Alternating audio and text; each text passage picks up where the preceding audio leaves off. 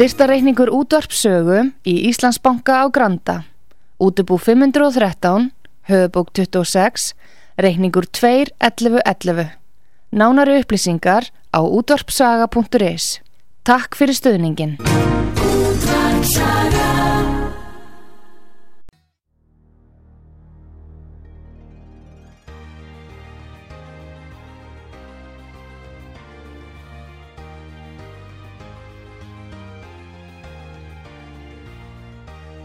Heimsmálinn í umsjón Pétur Gunnlaugssonar.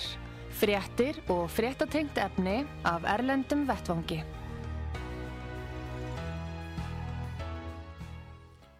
Góðir uh, hlustendur, þér að hlusta á útvarpsög, ég heiti Pétur Gunnlaugsson og ég ætla að ræða við hann Haug Haugsson, fréttamann útvarpsög í Moskvu. Sæl og blessaður Haugur. Þetta... Ég, halló. Halló, já, ertu þarna Haugur? Ég er hérna, já. Sæl og blessaður Haugur, það er, gengið erfilega hjá tæknumönnum að finna þig, en þú ert fundið þakkaði fyrir það Haugur. Já, sæl Pétur, þakkaði fyrir það. Sæl og blessaður. Nú... Uh, Það sem er aðteglur hægt núna, þú ert nýkominn frá Donbass svæðinu, þar sem að aðskilna sinnar teljir raun og veru að þetta svæði þá tilheyri þá Rúslandi, er það rétt? Já, þeir fóru þarna í tjóðuratkvæðagreyslu upp úr því þegar að rússar komuð þarna í, já, og taka þetta yfir. Já. Þa, það gerist þarna upp úr 2014 og það eru þá tvö svo kvölduð alltíði liðveldi, Donetsk og Lugansk Já. sem að eru núna hluti rúsneska sambandstríkisins sem að samanstendur af 89 já, síslum eða sambandseiningum. En nær það yfir allt það svæði sem rússar eru búinir að, að taka þessi 23% af Úkrænu, er þetta ekki minna svæði? Jú, það er minna vegna þess að það er þarna andstæðal og annað hjá uh, stjórnarherr Úkrænu allavega ennþá og allt þetta og það eru, það eru kannski svona einhver 70-80% tveir þriðju kannski af þessum tveimur héruðum sem eru enn á valdi skulum við segja úgrænska hersins, úgrænska lauruglu og þess aftar. Já, já. En uh, nú uh, var mikil eidilegging í Mariupol og þar hefur í stað einhver hérna, uppbygging en Mariupol er í Dón Donetsk er það ekki? Jú, jú, Mariupol er stóra mikil hafnarborg í Donetsk sem að voru gríðalegir bardagar um, sérstaklega Asofstal. Það er mikið yðjúver og stáliðjúver og gríðalegar katakombur og bunkerar og, og sagt, þar heldur til Asofliðar sem eru þjóðurni sinnar eða nationalistar og, og þar var gríðalegir bardagar Nú, þeir eru reyðubúin að deyja fyrir Úkrænu en ekki kannski elitan í Úkrænu jafn áfjáð eða ákveðin í því að deyja fyrir Úkrænu eins og Asof herdeild úkrænskra þjóðirni sinna. Er það ekki rétt? Jú, Pétur, þetta var elitu herdeild en þeir gáðust upp. Þeir voru hérna 2000 manns með 350 gísla, almenna borgara í Asofstal í þessum katakombum og neðanjarabyrgjum og gríðalegu göngum og korridorum þar en þeir gáfust upp og sömur fóru til Tyrklands þannig að baráttu andinu var kannski ekki meira heldur en, en þeir gáfust staðrindir í svo að þeir Asof, þessar þjóðurnisveitir og elítu hersveitir mm. sem átt að vera alveg berjast til síðasta blóðdrópa og allt þetta, þeir gáfust upp fyrir rú, rúsneska stjórnarhernum og þetta gerðist í mæ mánuði 2022 þannig að rúsar tóku þessar Asof stál og það er mjög merkild að vera þar og koma þarna niður í þessar katakombur og allt þetta. En, en þeir gáðust upp, það er, það er alveg staðrind og það er alveg dokumenterað og myndir af því og allt og getur, fengur sakar upp Getur þau líst svæðunum sem þú fórst á? Ert nýkomin af? Já þarna við vorum, vorum í uh, Donetsk, svæð, sagt, borginni Donetsk sem að, og maður finnur sem sagt ennþá og þá eru sprengjur uh, sem að er að fljúa þarna yfir svæðið og stjórnar hér Úkrænu er að hýst og hér að eh, án þess að hugsa nokkuð um hvar þær lenda þá er þeir að senda sprengjur þarna yfir já, íbúðakverfi, skóla, félagsheimili, bókasöfn, sjúkrahús, barnaheimili jafnvel, ótrúlegar aðgerðir vegna þess almennt í hér að þá er, þetta er reyndar Ísrael núna reyndar, að þá er almennt eru hermenn að drepa aðra hermenn og kallmenn með vopn. En það hefur verið öll þessi 9-10 ár núna þá hefur þetta verið þannig að eftir valdarann 2014 að þá hefur ukrainski hérin og þetta kemur aldrei fram í meiniströmsmiðlum verið að bara hýst og her að senda sprengjur yfir á infrastruktúr þar að segja á, á, á hérna á innviði og líka bara á íbúðabyggingar hérna í Dóni sko það er náttúrulega merkilegt að sjá það og tala við fólkið á þessu svæði sem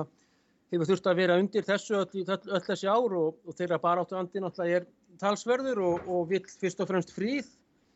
En Þetta það er raun og veru rússa, það er altså fólk sem tala rúsnesku, er það ekki rétt um það?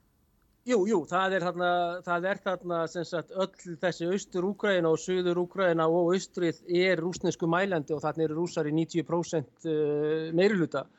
og þetta er fólk sem var ekki sátt við þau enginlögu að margra mati og lögfræðilega líka enginlegt stjórnarskipti þegar Janukovic er bólað í burtu af mjög vel skipuðu valdaráni sem er á Maidan og Maidan akkurat núna er tíu ára vegna þess að 21. november, november, november uh, 13, 2013 og þá neytar Janukovic, Viktor, þáverandi fósiti að fara til Vilnius og skrifa undir sam, uh, samræmingar aðgerðir við Europasambandin. En það er aðteglisvert að eftir 1991, eftir að Ukraina hlaut sjálfstæði, þá var gerð svo krafa meðal annars af hálfu Bill Clinton að þeir myndi afhenda kjarnokkuvopnin frá sér. Ef þeir hefðu haldið kjarnokkuvopnunum þá hefðu þessi niðurstað sem við erum að horfa á í dag orðið allt önnur, eða hvað heldur þú? Jú, jú, það er Bill Clinton og fleiri og svo bús yngri og eldri og, og annað að bandaríkja menn lögðu og Baker og fleiri auðarleikistráþörar þeirra mikla áherslu á skinsamlegar ráðstafanir að margra mati og, og einnig bandarækjumannana þar að segja það að ekki kæmi enn eitt ríkið í kjarnorku klúpin og það í uh, miðri Evrópu vegna þess að Evrópa kjarnorkurveldin eru náttúrulega Rúsland, Frakland og Stóra Breitland Já. og þeir, þeir afsala sér þeim með Budapest uh, memorandum og fengu ekkert í staðin, var það? Í raunin ekki og það voru kannski handvömm í bandarísku utalíkispolítík og európapolítíkinni að og eh, úkrænumannum líka að gera þetta. Já já, fá ekki plagg í staðinn frá Moskvu þess efnis að uh, það erði sem sagt, landamærin erðu heilög. Það, þetta er kannski handvömm sem að þeir já, láta fram, sér, já, fram að sér ganga og, og, og ganga upp sem er góði punktur á því að lögfræðilega Pétur. Þannig að þetta stríð hefði aldrei átt að þurfa að brjótast út. En nú er það þannig að bardagar halda áfram í Ukrænu fólk er haldur áfram að falla aðla ungir menn og ungar stúlkur er mér sagt. Og uh, það eru enga rattir um það að koma á vopnallið eða samningaviðræður. Nú uh, það vantar herrmenn sjálfsagt að bá, bæði í Rúslanda eða sérstaklega í Ukrænu og nú eru allir herskildir í Úkrænu hvað frá 17 ára aldri upp í hvað 60 ára aldur? Og það þýðir það að 17 ára stúlkur og, og drengir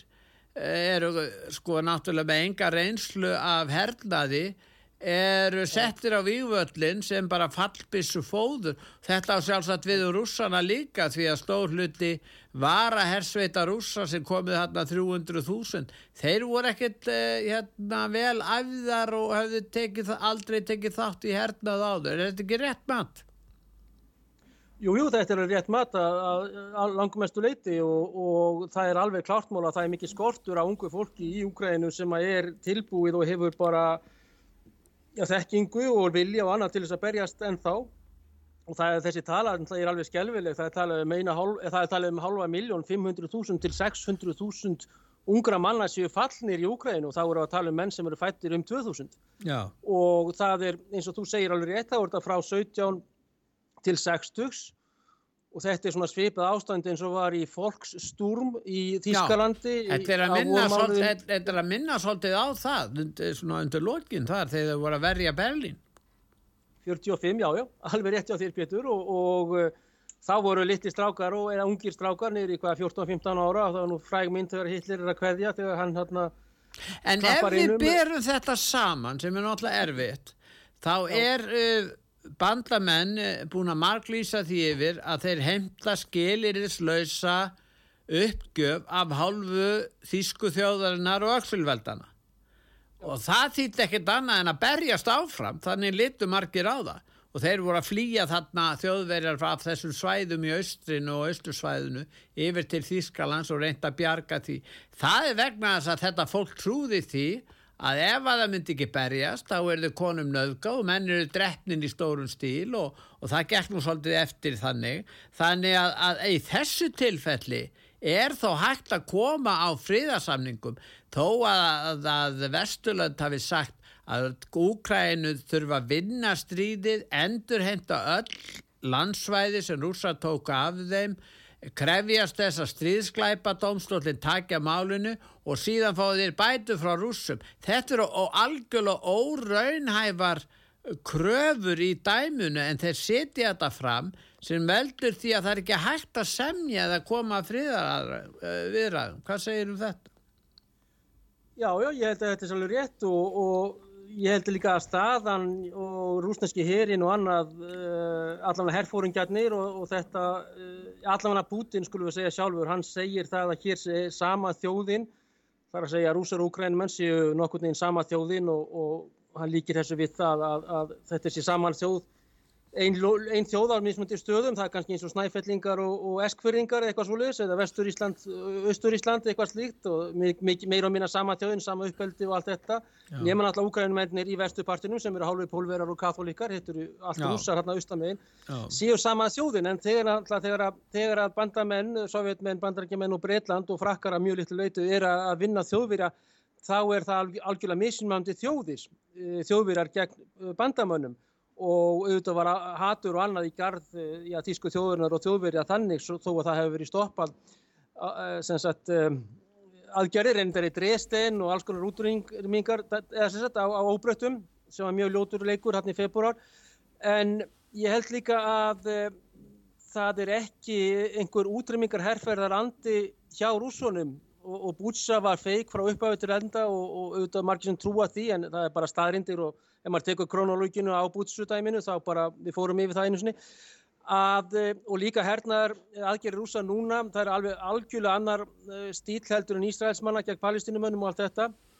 Þannig að þeir vilja taka við eh, já, góðu búi má segja og halda áfram, taka það yfir inn í sambandslífveldið, sambandsríkið rúsneska og halda áfram já, því sem að er að gerast og í Mariupol Uh, þá til dæmis var barist sérstaklega innan borgarinnar og ukrænski stjórnarherrin hann flýr inn í Mariupol, inn í miðborgina til þess að borginni sé rústuð sem er rúsnesk borg með rúsneskum íbúa, 100% rúsneskum mælandi til þess að henni sé rústað sem er náttúrulega mjög nýtt í hernaðarsögunni að ákveðin ríkis er ákveðins lands, ber ekki meiri vinningu fyrir fólkinu í austupartinum að það láti rústa heitli borg frekar en að fara og berjast út á aukrónum við rúsana sem að þeir hefðu ekki þá gert í austar í landinu, þarna hjá Mariupol og þetta er mikil, miklu hafnarborg og Asofstal og, og allt þetta.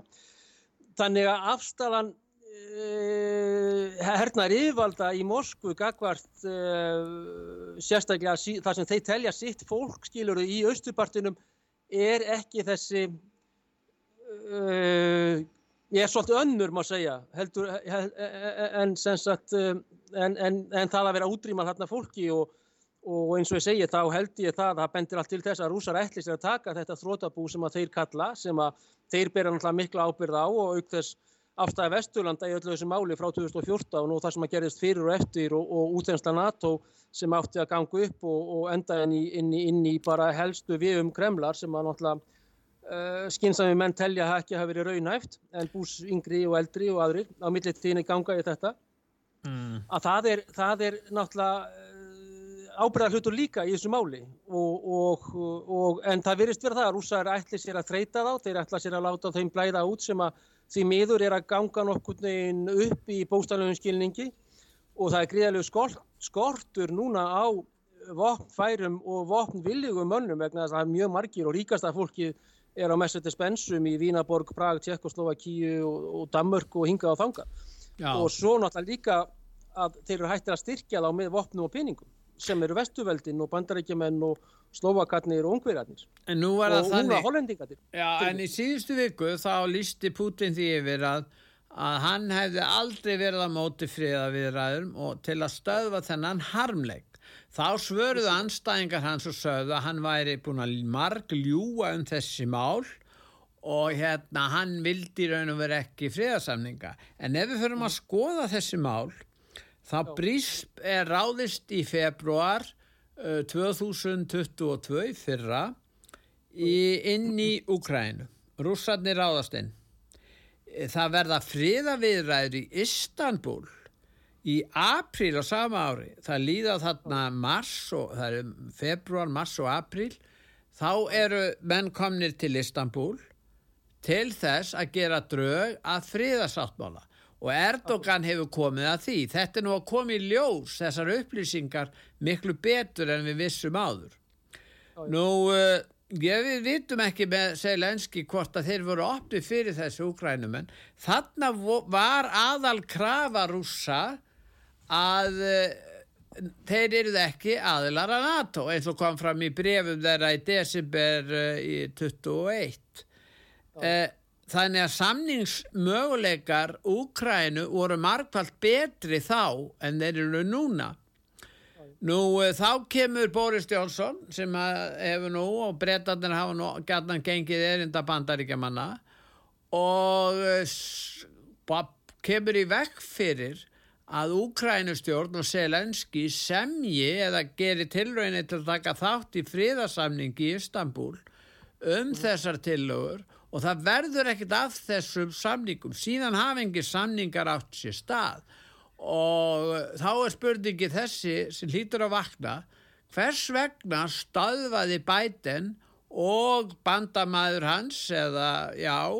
eigum að segja sendisveitn í þessu máli, Boris Johnson sem fór til Úkrænu, þetta var auðlist mjög í fjölmjölum þegar hann var að koma þarna. Hann átti að koma fram sem einhvers konar Winston Churchill hetja sem hann hefur skrifað bækur um, hann er mjög rifin á honum. Og hann væri að koma sko að berjast fyrir vestrætni menningu og komið vekk fyrir að rússatnir eh, sjálfsagt hann kallar það ekki The Huns eins og tala verið um, um þjóðverðina en en, en að þeir komist þarna lengra og síðan var ekkert samið og hótunin var þessi að ef að Selenski skrifað undir samkomula þá myndi þeir missa stöðning Vesturlanda. Nú þetta þarf kannski að pæla meir í og fá nákvæmari sönnunagögnum en þetta likur fyrir að þetta var reynd að gera og uh, áður hafðu náttúrulega minnsk 1 og 2 verið hafnað áður Þannig að uh, það hafa verið reynd, uh, reyndir friðarsamningar hvort sem menn trúa því að, að, að Putin hafi ótt farið með ránt málu og ósanindi og sé kannski að nýta sér það og í áróðu skinn að líta út sem friðarhauðingi en það breyti því ekki að það voru gerðar alvarlega tilraunir og samninga náðust um uh, friðsamlega laust sem síðan hafi verið eðlaðir og fælstu upplýsingar á þessari stundu bendi til þess að þetta komi frá bandaríkjönum og þá spyr maður um, haugur, af hverju? Hvað er að gerast, af hverju er þetta svona? Já, þetta er alveg rétti á því Björn og, og Putin er ekkert að ljúa þessu og, og í aprílmáni þá fer Boris Johnson í byrjun apríl eða maður rétt um tíunda pluss mínus þá fer hann til Kíf, eh, hittir Selenski og bannar Selenski að tala við rúsana sem eru sem sagt í, með samlinga nú þegar í, í kæningari og síðan hefur Selenski sett lög þess efnis að það sé bannað að tala við rússana og þeir, þeir fara þarna inn 22. februar 2022 síðan lið, líð ekki nema 67 vikur allur februar sem er stuttur mánuður og þessi Já. tæpa vika í janúar uh, mars líður sem sagt og svo aðeins fram í apríl að þá eftir 60 vikur er rússar komnir á samt uh, þeim Ukrænumönnunum, svo drápuði nú einn hérna í sendinemdini Ukrænumenn, hann bara fannst uh, skotin á skristofugangi mann Greið sem var lögfræðingur að Ukrænumenn drápa hann sjálfur og hvort það var sendi nefndin eða einhverjir En hann var, Ukræ, hann var Ukrænum aður Já, já, hann var hátsettur í þessari sendinemnd sem er sendt Og vildi ná samningi vantarlega Já, vafalust, en, en Boris Johnson svona aðalatri að þá er að það hann fer er sendur og fer sjálfur fríðarvilji og bannar Selenski að tala nánar við rússana og það er auðvitað líka frá Biden administration og, og Democratic Party í Washington sem að það, það, það gerist. Þannig að það er engin vilji á því að semja við rúsana sem voru tilbúinir að ræða ákveðin mál. Þeir minna þeir voru búin að tala frá, Lavrov var búin að senda öll þessi plökti á Rauðurástígin og allar höfuborgirnar og annað og það var engin vilji, það var sagt þetta kemur ykkur ekki við, við ætlum að gera kjarnorkuvopn sem sagt við Rúmeníu og, og hérna Pólandi, þetta er gegn Norðurkóru, þetta er gegn Íran. Rúsættin ætla að horfa bara á landakortið og, og, og klóra, klóra, ekki, þeir klóra sér svona í hausnum. Og um, það var bara ekkert í uh, myndinni að, og ef að, þeir hefðu samið, þá hefðu Ungræðiminn ekki mist Sabarósi og Hersson uh, að Dniepránni við Suðupartinn og Krím hefði ekki verið tengt landleðina og Azov hafið ef þið ekki orðið innhaf núna í Rúslandi sem bendir til þess að verði næstu 200 ár. Og Putin er eins og Katin Mikla sem að reykur uh, Tyrki frá Krím uh, 1882. En staðan er svo að vestrænar elitur og NATO-elitan og Stoltenberg en sjálfsögðu Blinken og þeir sem eru vakandi og hafa eitthvað vitt og hugsa í Washington og Blinken kannski og Biden með 82 á 80 öðru ári vildu ekki að þeir erði samið og þeir vildu og stemdu að því að rússar erði sigraðir á víg, vígvellinum sem að Charles Michel, sem að Ursula von der Leyen og, og íslenski uttaríkisráð þegar hann líka á þeim tíma þeir, þetta var krafan sigur á vígvellinum rússar færu af öllum landsvæðin sem þeir hefur tekið þar á meðal Krímskaga. Þetta voru þessar kröfur sem voru gerðar og þeir vissu Já eða máttu vita að þetta gætu aldrei orðið að veruleika þar sem að rússar eru fimm sinnum fjölmennari þjóð fyrir þetta náttúrulega miklu öflugri varðandi herrvarnir og annað og geta framleitt þessi ork vopna talsveit miklu leiti sem að Úkræna getur alls ekki og efnahagur Úkræna er náttúrulega sá vesti, lang vesti sem þekkist í Evrópu og þó viðar væri leita Já, já Já, já, en þeir hefðu haldið krím sem satt væntalega eins og þeir taka hana náttúrulega krímskagan þar að segja 2014 í mm. mars, februar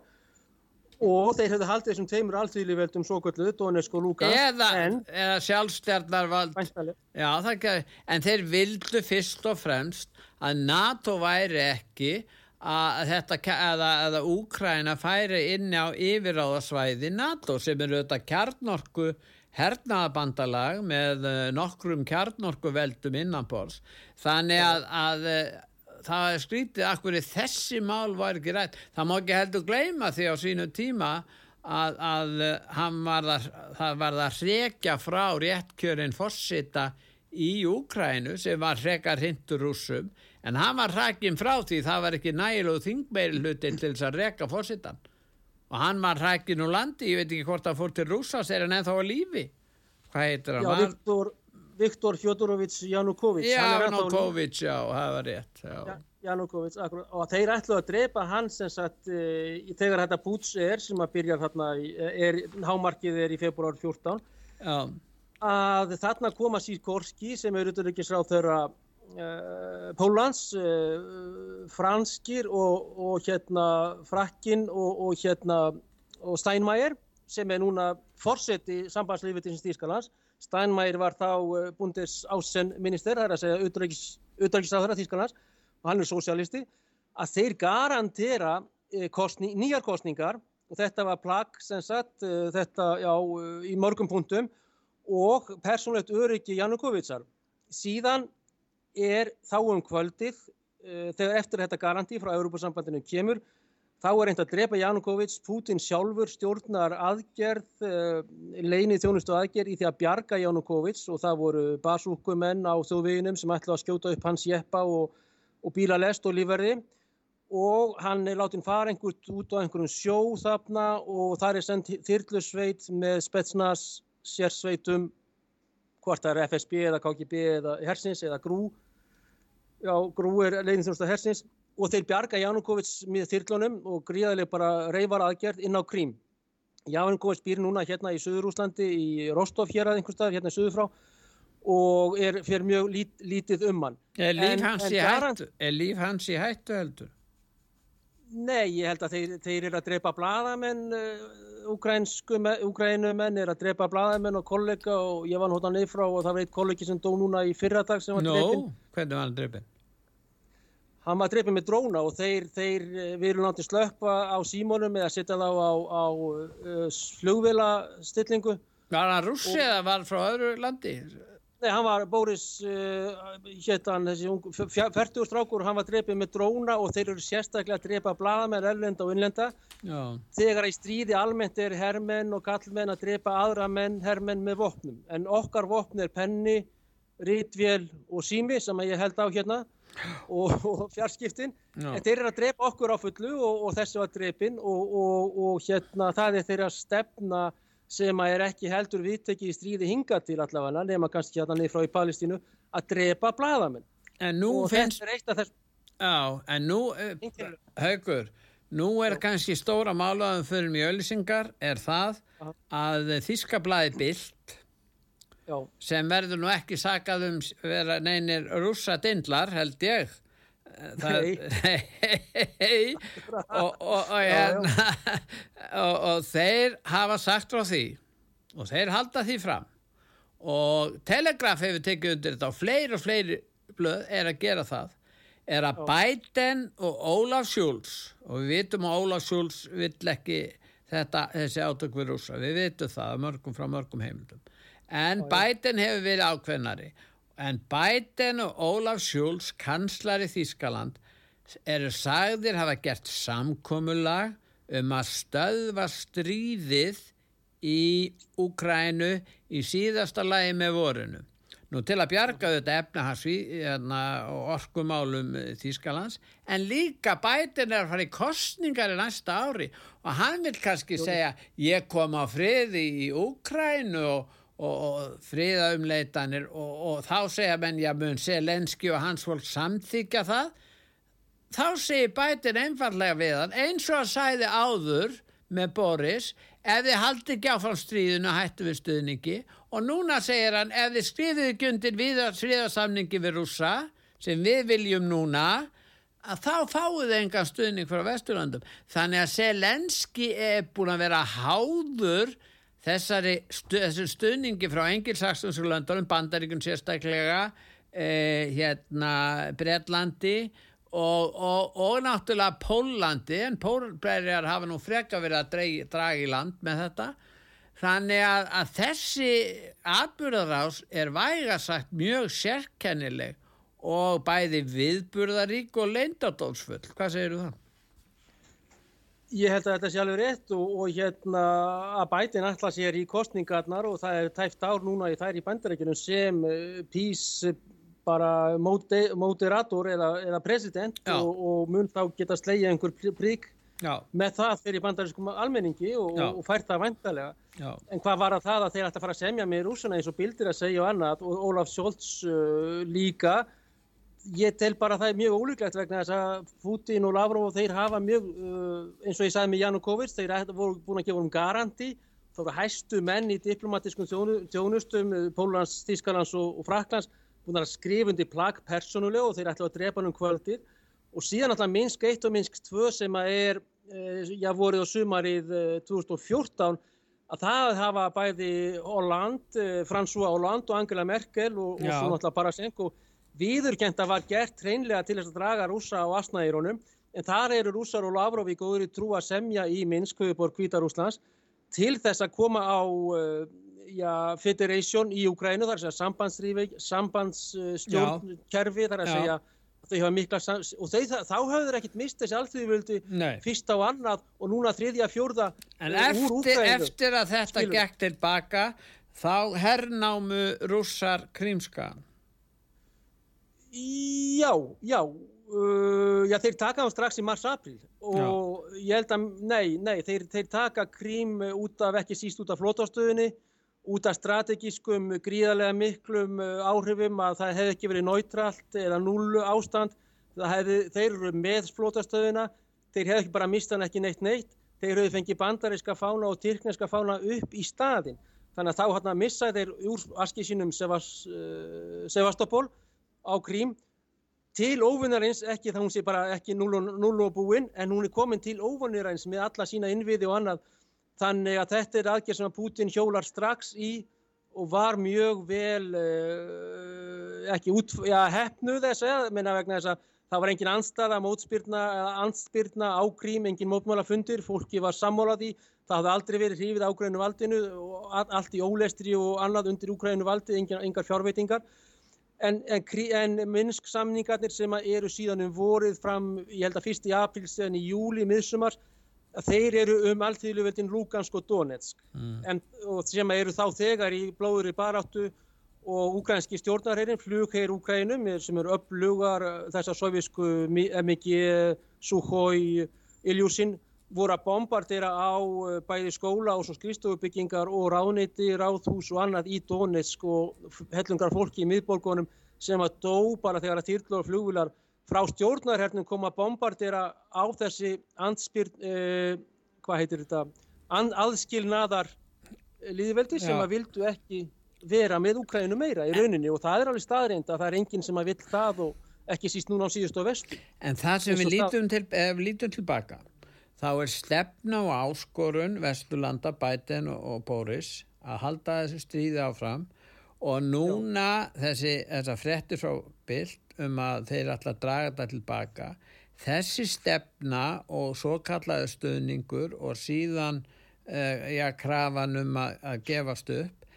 hefur þýtt það að, að, að Úkræna kemur til með að missa stóran hlut af sínu landi sem aldrei hefðu orðið hefðu verið gengist við Istanbul, ég tala nú ekki um Minsk samkómulæginu eða minnst okkarst í síðari stegu þannig að eftir því sem maður líður lengri tími því verð, þeir eru með 23% af landsvæðinu rússarnir í dag það er mjög líklegt þeir sættir sig við það, það er mjög líklegt þeir fari upp í 40% eða eitthvað svolítið staða þeir eru sterkari. Þannig að, að, að samningsstaða Úkrænu hefur snarlega vestnað þannig að þessi ráðgjafar og stöðningur á Vesturlandum er einhverju hörmulegasta hérna, ráðgjöf sem sérst hefur bara eftir síðari heimstyrjöldu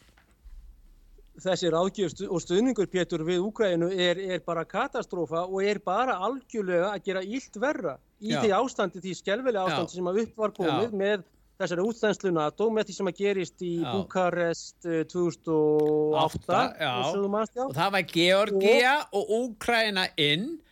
sem, sem voru gömul sovjetríki sovjetríki sovjetríkjum það er bara ekki hægt að gera svona gagverð stórveldi og móðguðu stórveldi með móðgæðan hér og annað og þetta þekkjum við frá Evrópu líka í fyrri, fyrri við þekkjum þetta frá 1962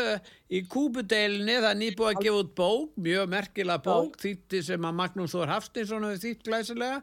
Eftir, Já, eh, hérna, eh, og, og eftir þekktan bladamann og, og sagfræðing í, í og það sem hann er að greina frá þessu og þá sæðir hreinlega Kennedy við rúsana þið myndu aldrei sætt ykkur við það ef við færum inn í þessi svæði hjá ykkur eða náðaldi og það voru rökast gegn því að, að Sovjetríkin á þeim tíma og Khrushchev gæti komið fyrir eldflögum á Kúbu eftir að Castro hafi komið þar á kommunistaríki þannig að við sjáum í raun og veru eh, sögulega séð að samt hefur þetta verið reiki mjög einhlið á Vesturlöndum að eh, stjórnin í, í, í Úkrænu sem ég held að sé að mörguleiti fornalamp Vesturlanda já, já. í stefnu sem að þeir trúðu á og töldu og þeir eru búin að forna, hverjir er að forna? Það eru Úkrænumenn sem eru að forna og ég skil vel þjóðerni sinnana, ég verð bara að segja það í Úkrænu eins og þessa Azov-hreyfingu, þeir fórna lífið sínu. Þeir eru reyðubúin til að deyja fyrir Úkræn og sjálfstæði Úkræn. Ekki yfirstjettin, ekki þessir gauðir, nei, nei, nei, ekki elitan. Hún er ekki að drepast, hún fælist bara á stór græðir á þessu. Við má vita hvað verður alla peningarna sem berast frá Vesturlöndum. Og það er, þeir nota þjóðirni sinnana sem eru látið falla og eins og segir, hvað við að tala um? Þrjú til 500.000 uh, úkrænumenn hafa fallið. Já, algjörlega, algjörlega. Og þeir eru á Reyfíriunni og í fínustu restaurantunum í Berlín og Paris og Berlín og London og... og en við ætlum að fara... Með, með, getna Magga og þann sakfræðing að ég vona að þeir gleymi því ekki, Maggi vinnur okkur aðri, að bandarækjumenn koma fyrir flögum í Tyrklandi við armen, armensk, armensk, uh, grúsísku, armensku, asibætsensku landamærin sem liggur að Tyrklandi, rétt í tungarðin við Sovjetmiðin og þá gera sovjetmenn það að senda flugvarnir til Kúbu. Nei, sko, það verður vísu eftir... Svar við því, skilur þau. Þetta glemst átt... ægilega oft og þetta er vandagsakfræðingur, þá vona ég að þetta komi fram og makki bæti því bara við. Já, en við ætlum að líða núna á öllusingarhaugur, við ætlum að líða og byrta nokkur öllusingar og svo ætlum að halda umræðin áfram, eh, fjalla lítilega um það sem er að gerast í Hollandi og kannski Argentínu, en aðalega að fjalla um það sem er núna konum í Gaza.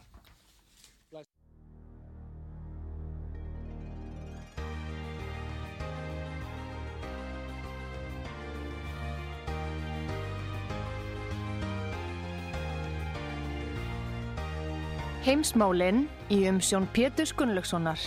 Fréttir og fréttatengt efni af Erlendum Vettvangi. Góðir uh, hlustendur, þeir að hlusta á útvarpsögu, ég heiti Pétur Gunnlaugsson og ég er að ræða með Haug Haugsson, okkar mann í Moskvu Haugur. Ef við lítum Já. á, uh, við getum tekið tvennar kostningar, annars vegar Sigur Gert Wilders sem er formaðið frælsinsflokksins í Hollandi, hann er svona, hann er þjóðirni sinni og ef við lítum á pólitíkin eins og hún er að þróast, við höfum annars vegar þessar hefðbundnu stjórnmálaflokka hægra mig við miðjum, miðjan, frjálslindir, sósjaldemokrata. Þetta er þessir hefðbunnu flokkar og þeir eru að missa fylgi og tröst og uh, það er þeir sem er að sækja þeim eru þjóðutinnsinnandir, svo kvöldlega populistar vegna þess að hefðbundu stjórnmáluflokkarnir vilji ekki breyta stefnu í innflyttum álu, þeir segja skera það en þeir gera það í raun og veru ekki. Þannig að 60-70% íbúa í Evrópu vilja breyta þessu og kjósa þess vegna þessa, þessa flokka. Og Gert Wilders enda sem stærsti stjórnmálaflokkur Hollands, það er við svo margir flokkar þar, ekki 24 held ég. Þannig að, að, að þetta er náttúrulega mikill árangur þar, við höfum hann, hann er vill líka ganga úr Evrópusambandinu hann vil stöðva bylgu innflytjanda, hann vil eh, bæta samskipti við Rúsland og hætta að styðja Úkrænu með vopnum. Og það er bara spurning hvort að nái saman við aðra flokka. Síðan er hinn, eh, úr hinni áttinni, það er frá frjálsíkjumunum og það gerist í, þessu sérkynna ríki Argentínu búið yfir 50 miljón mannstar, gengið illa á síðustu áratugum verðbólgan 100 og hvað 40 jafnvel meira. Og uh, áhrif að Vesturlanda einhvern veginn verið sérkennileg þar. En hann er að bóða þessi maður, þessi Milei, hann er það vita voru að leita um hann er einhvers konar anarkistískur frjálsíkjumadur, hvað sé það týðir en hann er alltaf ekki með þingi með sér en uh, þetta sínir það þá örvæntingu sem er í raun og veru komin fram gagvart hefðbundum stjórnmálum af Vesturlandum. Mundur ekki að álita það eins og staðan er? Jú, það er alveg ljósbyttur að það eru mikil hægri bilgjar í þessum já, löndum sem er náttúrulega með mismöndi mannfjölda og allt þetta. Og, 18 miljónir í Hollandi, þetta er stort land í Evrópu. Já, þetta er stort land og mikil gríðalur útflutningur af matvælum já. og þeir hafa róttert af matna heilu öfnina. Og, og þeir, þeir eru með lága fjármannstekku skatt, þeir eru með tiltölu efna fólk. Ef þú ætlar að kaupa íbú þá fara hann alla að lána það þar að segja og ef við vinnu þeir, Já, þeir okay. lánu 110% á ekkildi eignarinnar þú getur keiftið bíl líka í leiðinu mm. Já, já, og þetta gerist náttúrulega í Slovakíu í Bratislava núna fyrir ja, tveim-þrem vikum og þá kom ja. Robert Fico sem er á sömu línu, hvað var það Ukraínu og NATO, eða sem NATO þeir vil ekki ganga út úr þínandilega, þeir vilja hætta þessu gengdarlausa sem að þeir kalla á allt þetta að dæla peningum og vopnum í Selenski með ekki meiri árangur en þetta og það verður bara illt verra já, fyrir framtíð Ukrænu í, í sjálfu sér oh. og þetta er bara svo stefna og þróun sem er að eiga sér stað í Evrópu og menn býða náttúrulega Þískalands eh, með sínar 82 miljónir og, og 500.000 tverskilometra aðeins tæplega og allt þetta hvort að AFD, alternatív fyrir Deutschland, eh, fái sín 20% sem allt bendi til þess, ekki síst í austupartinu og þetta er bara starrýttin á þessari hæribilgju sem er að gera og þetta og er að gera þetta Marin Le Pen fekk 42% í fósittakostingunum og mm. Gagvart eh, Macron, það var nú ansið mikið en hún myndi sigra hann í dag samkvæmt konakon, ég veit ekki sem mikið er að marka það en, en hann alltaf geysilegur stöðningu við, við hann og nú Ítalir eru með þessa þarna Meloni þarna í fararspónu þeir eru nú að hafa orðið fyrir vombriðu með hana því hún hefur ekkert gert í þessum innflytjandamálu virðist vera ekki frekar en breski íhalsflokkurinn sem, sem, en hann er náttúrulega hefðbundi stjórnmálaflokkur sem lofar en gerir ekki neitt náttúrulega. Já, já, akkurat, akkurat. En þetta, Þannig að þessi, já? En þetta með hinn í Argentínu, þetta er náttúrulega mjög sérkennlegt, Vi, við getum svo lítið sagt um það fyrir að við sjáum hvað gerist núna á næstunni og hvaða möguleika hann hefur. Ég vissum það að Lula de Silva var trefin af hennum, þeir hafa mikil viðskipti Brasilia og Argentína. En, en það verður að gerast ímislegt aðna því að þeir hafa verið frekar á niðurlega, ekki bara frekar, það gengir mjög illa efnaðarslega þannig að það má búast við því að það verði einhvers konar breytingar til batnar en svo er stóra máli kannski við höfum tíma eftir til að ræða það eru þetta vopnallið í strísátökunum í Gaza Já, já. Það er náttúrulega bara hægt við því að það byrji strax núna,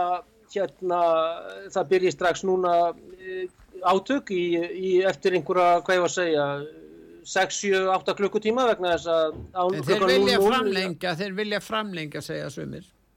Já, já, en það er þessi, þessi fjóra, fjóra sólaringa uh, hlið, eða vopna hlið, það, það ennur út á minnætti að staðatíma í, í hérna, sem er Íslands pluss þrjár klukkustundir, þannig að það er hægt við því og Ísraels sér segist ætla að já, halda áfram að fullum krafti og meir, jafnvel meiri krafti. Og fer, það, fer hann þá söður, þar sem fólkið er búið að koma sér saman og hefur flúið á þeir litla söður svæði í, í, í hérna Gaza. Því að Egiptarnir er allir ekki að leipa nema bara nokkru um sjúklingum og slösuðu fólki yfir. Já, já, já, já. Já, þeir munu, þeir hafa skipt gasa í tvo sektora núna, í tvo já, svæði og, og þrengja og þrengja að uh, því og ætla sér að ganga á milli bóls og höfus á Hamasliðum eins og þeir segja, eins og bæði Benjamin Netanyahu og, og Ísraelska herráðið, ég segist alltaf að gera og þannig að og þeir, núna í þessa fjóra sólaringa þá hafa menn verið að skoða kortin og stúdira og kortleggja enn meira svæðið. Það er spurning hversu, hversu mikið afl og annað Hamas liðar hafa og ég held að þeir hafa orðið við því miklu vonbyrðu með þennan fundum daginn í Riyadh í Sátti Arabíu þar sem kom bersinlega í ljós að, að samstaða í raun Araparíkjana og múslima heimsins við palestinumenn er ekki meiri en svo að það er á plöggum og orði hvernu vegna þess að það voru uh, til dæmis að Bashar al-Assad sílandsfósitæli lagði til uh, oljubann á allt Ísrael Væntalega er óleiðan á skriðdrygga og flugulabensinni á þeirra F-16 og F-35 þótur og Apache þyrlur amerísku. Þeir fengju bara olju frá Ameríku þá, væri það ekki þannig? Jú, jú, þeir myndi senda tankskip þarna til Haifa og, og, og, og eitthvað slíkt og Jaffa og svona en, en, og Akaba hérna við Al-Akaba í síðst sko en, en hérna en e, hins vegar er náttúrulega með öllum sem drápum og við erum að tala um 15.000 pluss núna þar af 6.500 börn sem er náttúrulega skelvilegt að horfa á og eins og Marja Sakharova segir að ef þú serð hrúu af dauðum börnum og þú spyrð hvers lensk eru þau, er þetta gýðingar, er þetta arabar, þá er eitthvað að hjá þér, hjá viðkomandi manneski vegna þess að svo manneski sem bara fær ekki tári augun við að sjá hrúu af drefnum börnum er ekki dælilega mínum að því og, uh, og uh, en þetta náttúrulega er það sem er að við sko komandi kynstóður og ungviðið þarna þeir sem eftir lifa þeir munu hata Ísrael og meira og meira og, og þetta uppeldislega séð eh, hvað var það slíkmáli mál svona pedagógista þá er þetta uppeldi eða þá er þetta nokkuð sem Ísraelsmenn er að gera til þess að skapa hatur á sér og síni stefnu í stað þess að reyna að koma með einhverja fríðarviðræður eða, eða annað e, gagvart heimamannum er nokkuð sem á enga framtíð fyrir sér, þannig séð og, og, og ekki neitt friðvænlegt í því að, að einhvern tíman verði þarna uh, fríður og, og sams, já, samstarf og allavega svona hlutlaust ástand, þannig að en, en, en þessu er, mikið aðmast Já, en það er svo allikrisvert er að menn hafa gaggrínt diplomatana á Vesturlandum, Úkrænu og Rúslandi þetta hefði verið hægt það hefði átt að koma í vekk fyrir þetta. Þetta var verkefni, af því svo erfitt verkefni fyrir diplomata og auðaríkisfjóðunistur Vesturlanda en þarna átti að finna leiðir. Eh, líka núna sem er náttúrulega hatrið alveg geigvanlegt þarna eh, fyrir botnum meðrafs, þá tekst diplomötum frá Katar,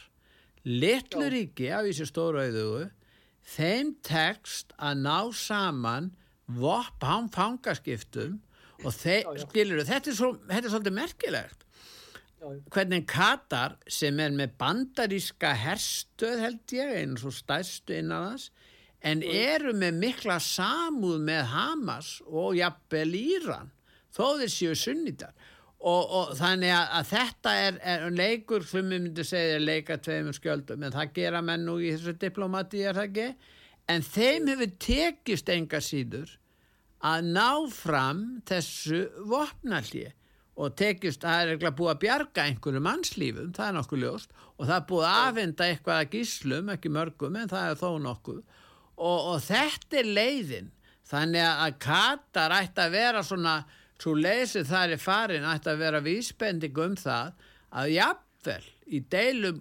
eh, Hamas og Ísrael þá gera þeir samning. Ísrael byrja að gera samning við Hamas eins og þessi lögaðili sem þeir vilja útrýma, skiluru þetta er miklu erfiðara fyrir Ísraels menn að semja nokk við, við, við hérna við Hamas út af því hvaða yfirlýsingar það hefur gefið heldur en til dæmis fyrir Úkrænum en að semja við rússa. Þannig að manni finnst ykkur negin að, að diplomatian hafi brugðist þegar að hægt er að semja. Það er alltaf hægt að semja en það verður það eftir að styrjöldunum líku þá verður samið um eitthvað hvort sem er eða ekki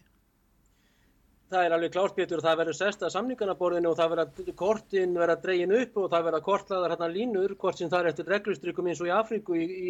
eftir, reykherbergjum. eftir versala samningana já, Jú, jú. sem við Akkurat. uppi með þann dag í dag og það er á meðal Ísrael ha. Já, já, já, eða, eða hérna 1918 og, og já, þegar að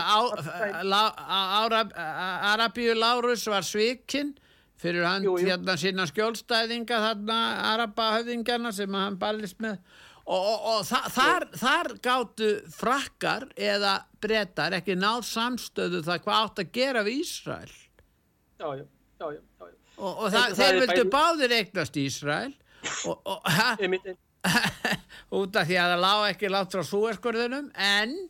þetta vandamál og þá ákveðu þeir að, heyrða þetta af, af Ottoman og, og, og hérna og síðan var svona undibúið það að, hleypa fleiri gyðingu þarna inn og, og þarna byrjaði 1917 með þessari frægu yfirlýsingu Balfour yfirlýsingunni að hefja þessa göngu sem við sitjum uppi með í dag. Já, já. Ég held þessi alveg ljóst Pétur og, og það að, að það verður sest niður og það þarf að setjast niður og fyrir það síðar að þá þarf að gera það vegna að það gerir og illt verra bæði í Ukraínu og Palestínu og Ísrael og Rúslandi og það sem að Putin og Lavrov er að segja núna það er að segja, segja bandarækjumenn hafi vilja þetta myndi gerast svona, þetta sé imperialismi sem að sé í gangi þarna sem að þeir kalla svo sem er náttúrulega gamalt orðtak sem hefur ekki verið notað núna í einhver 30 ár næstuði Já, og að þetta sé til að deila og drotna af hálfu já, bandaríkjamanna og, og þeirra sem eru núna að, að halda og hella hér olíu og hella ekki hér á hindaginn og inn og út með stjórnir. Vegna þess að það hefði verið hægt að koma í veg fyrir þetta, það hefði verið hægt að koma á þessari tvekkir ríkja laust sem að fyrst og fremst að bandaríkja með, með hjálp sem er bandaríkjamanna búið að ekkert í lofa síðan 1994, 1996 það er búið að lofa þessu í hvað, 30 ár tæplega.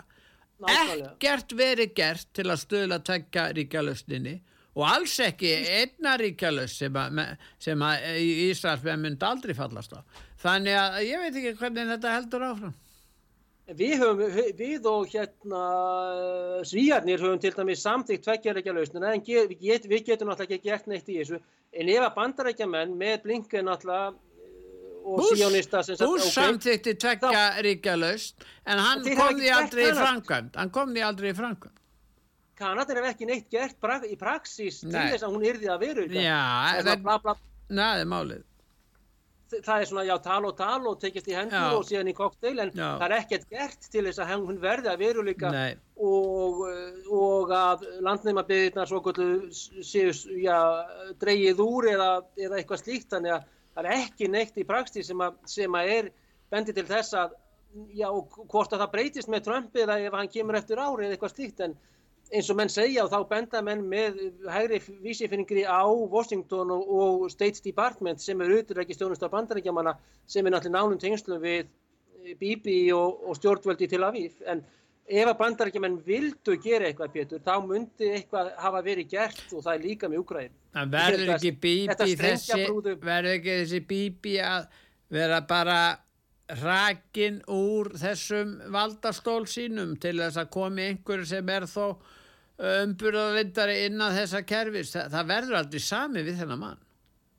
Nei, nei, en Pétur hann er bara að fá fleiri og fleiri fylgi og meira og meira fylgi og hægri hérna líkutflokkurinn, eða líkutbandalagi er, er bara stór auka við þessi fylgi og sumir segja það að þessi handvömm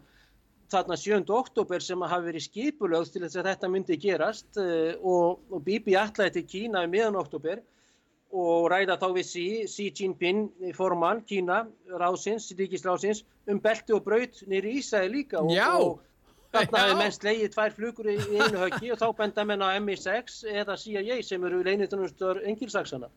en, en þetta er náttúrulega spekulasjónir en, en áhugaverðar enga síður og, og, uh, og já, akkurat sko Einmitt, við verðum að fara að en það er ljúka ekki þessu. steini og ekkert gott í, í spilunum og kortunum Pétur rétt. En við verðum að fara að ljúka þessu haugur og ég þakka þið fyrir Takk fyrir og ég þakka hlustendum útvar sögu fyrir að hlusta. Verðið sæl.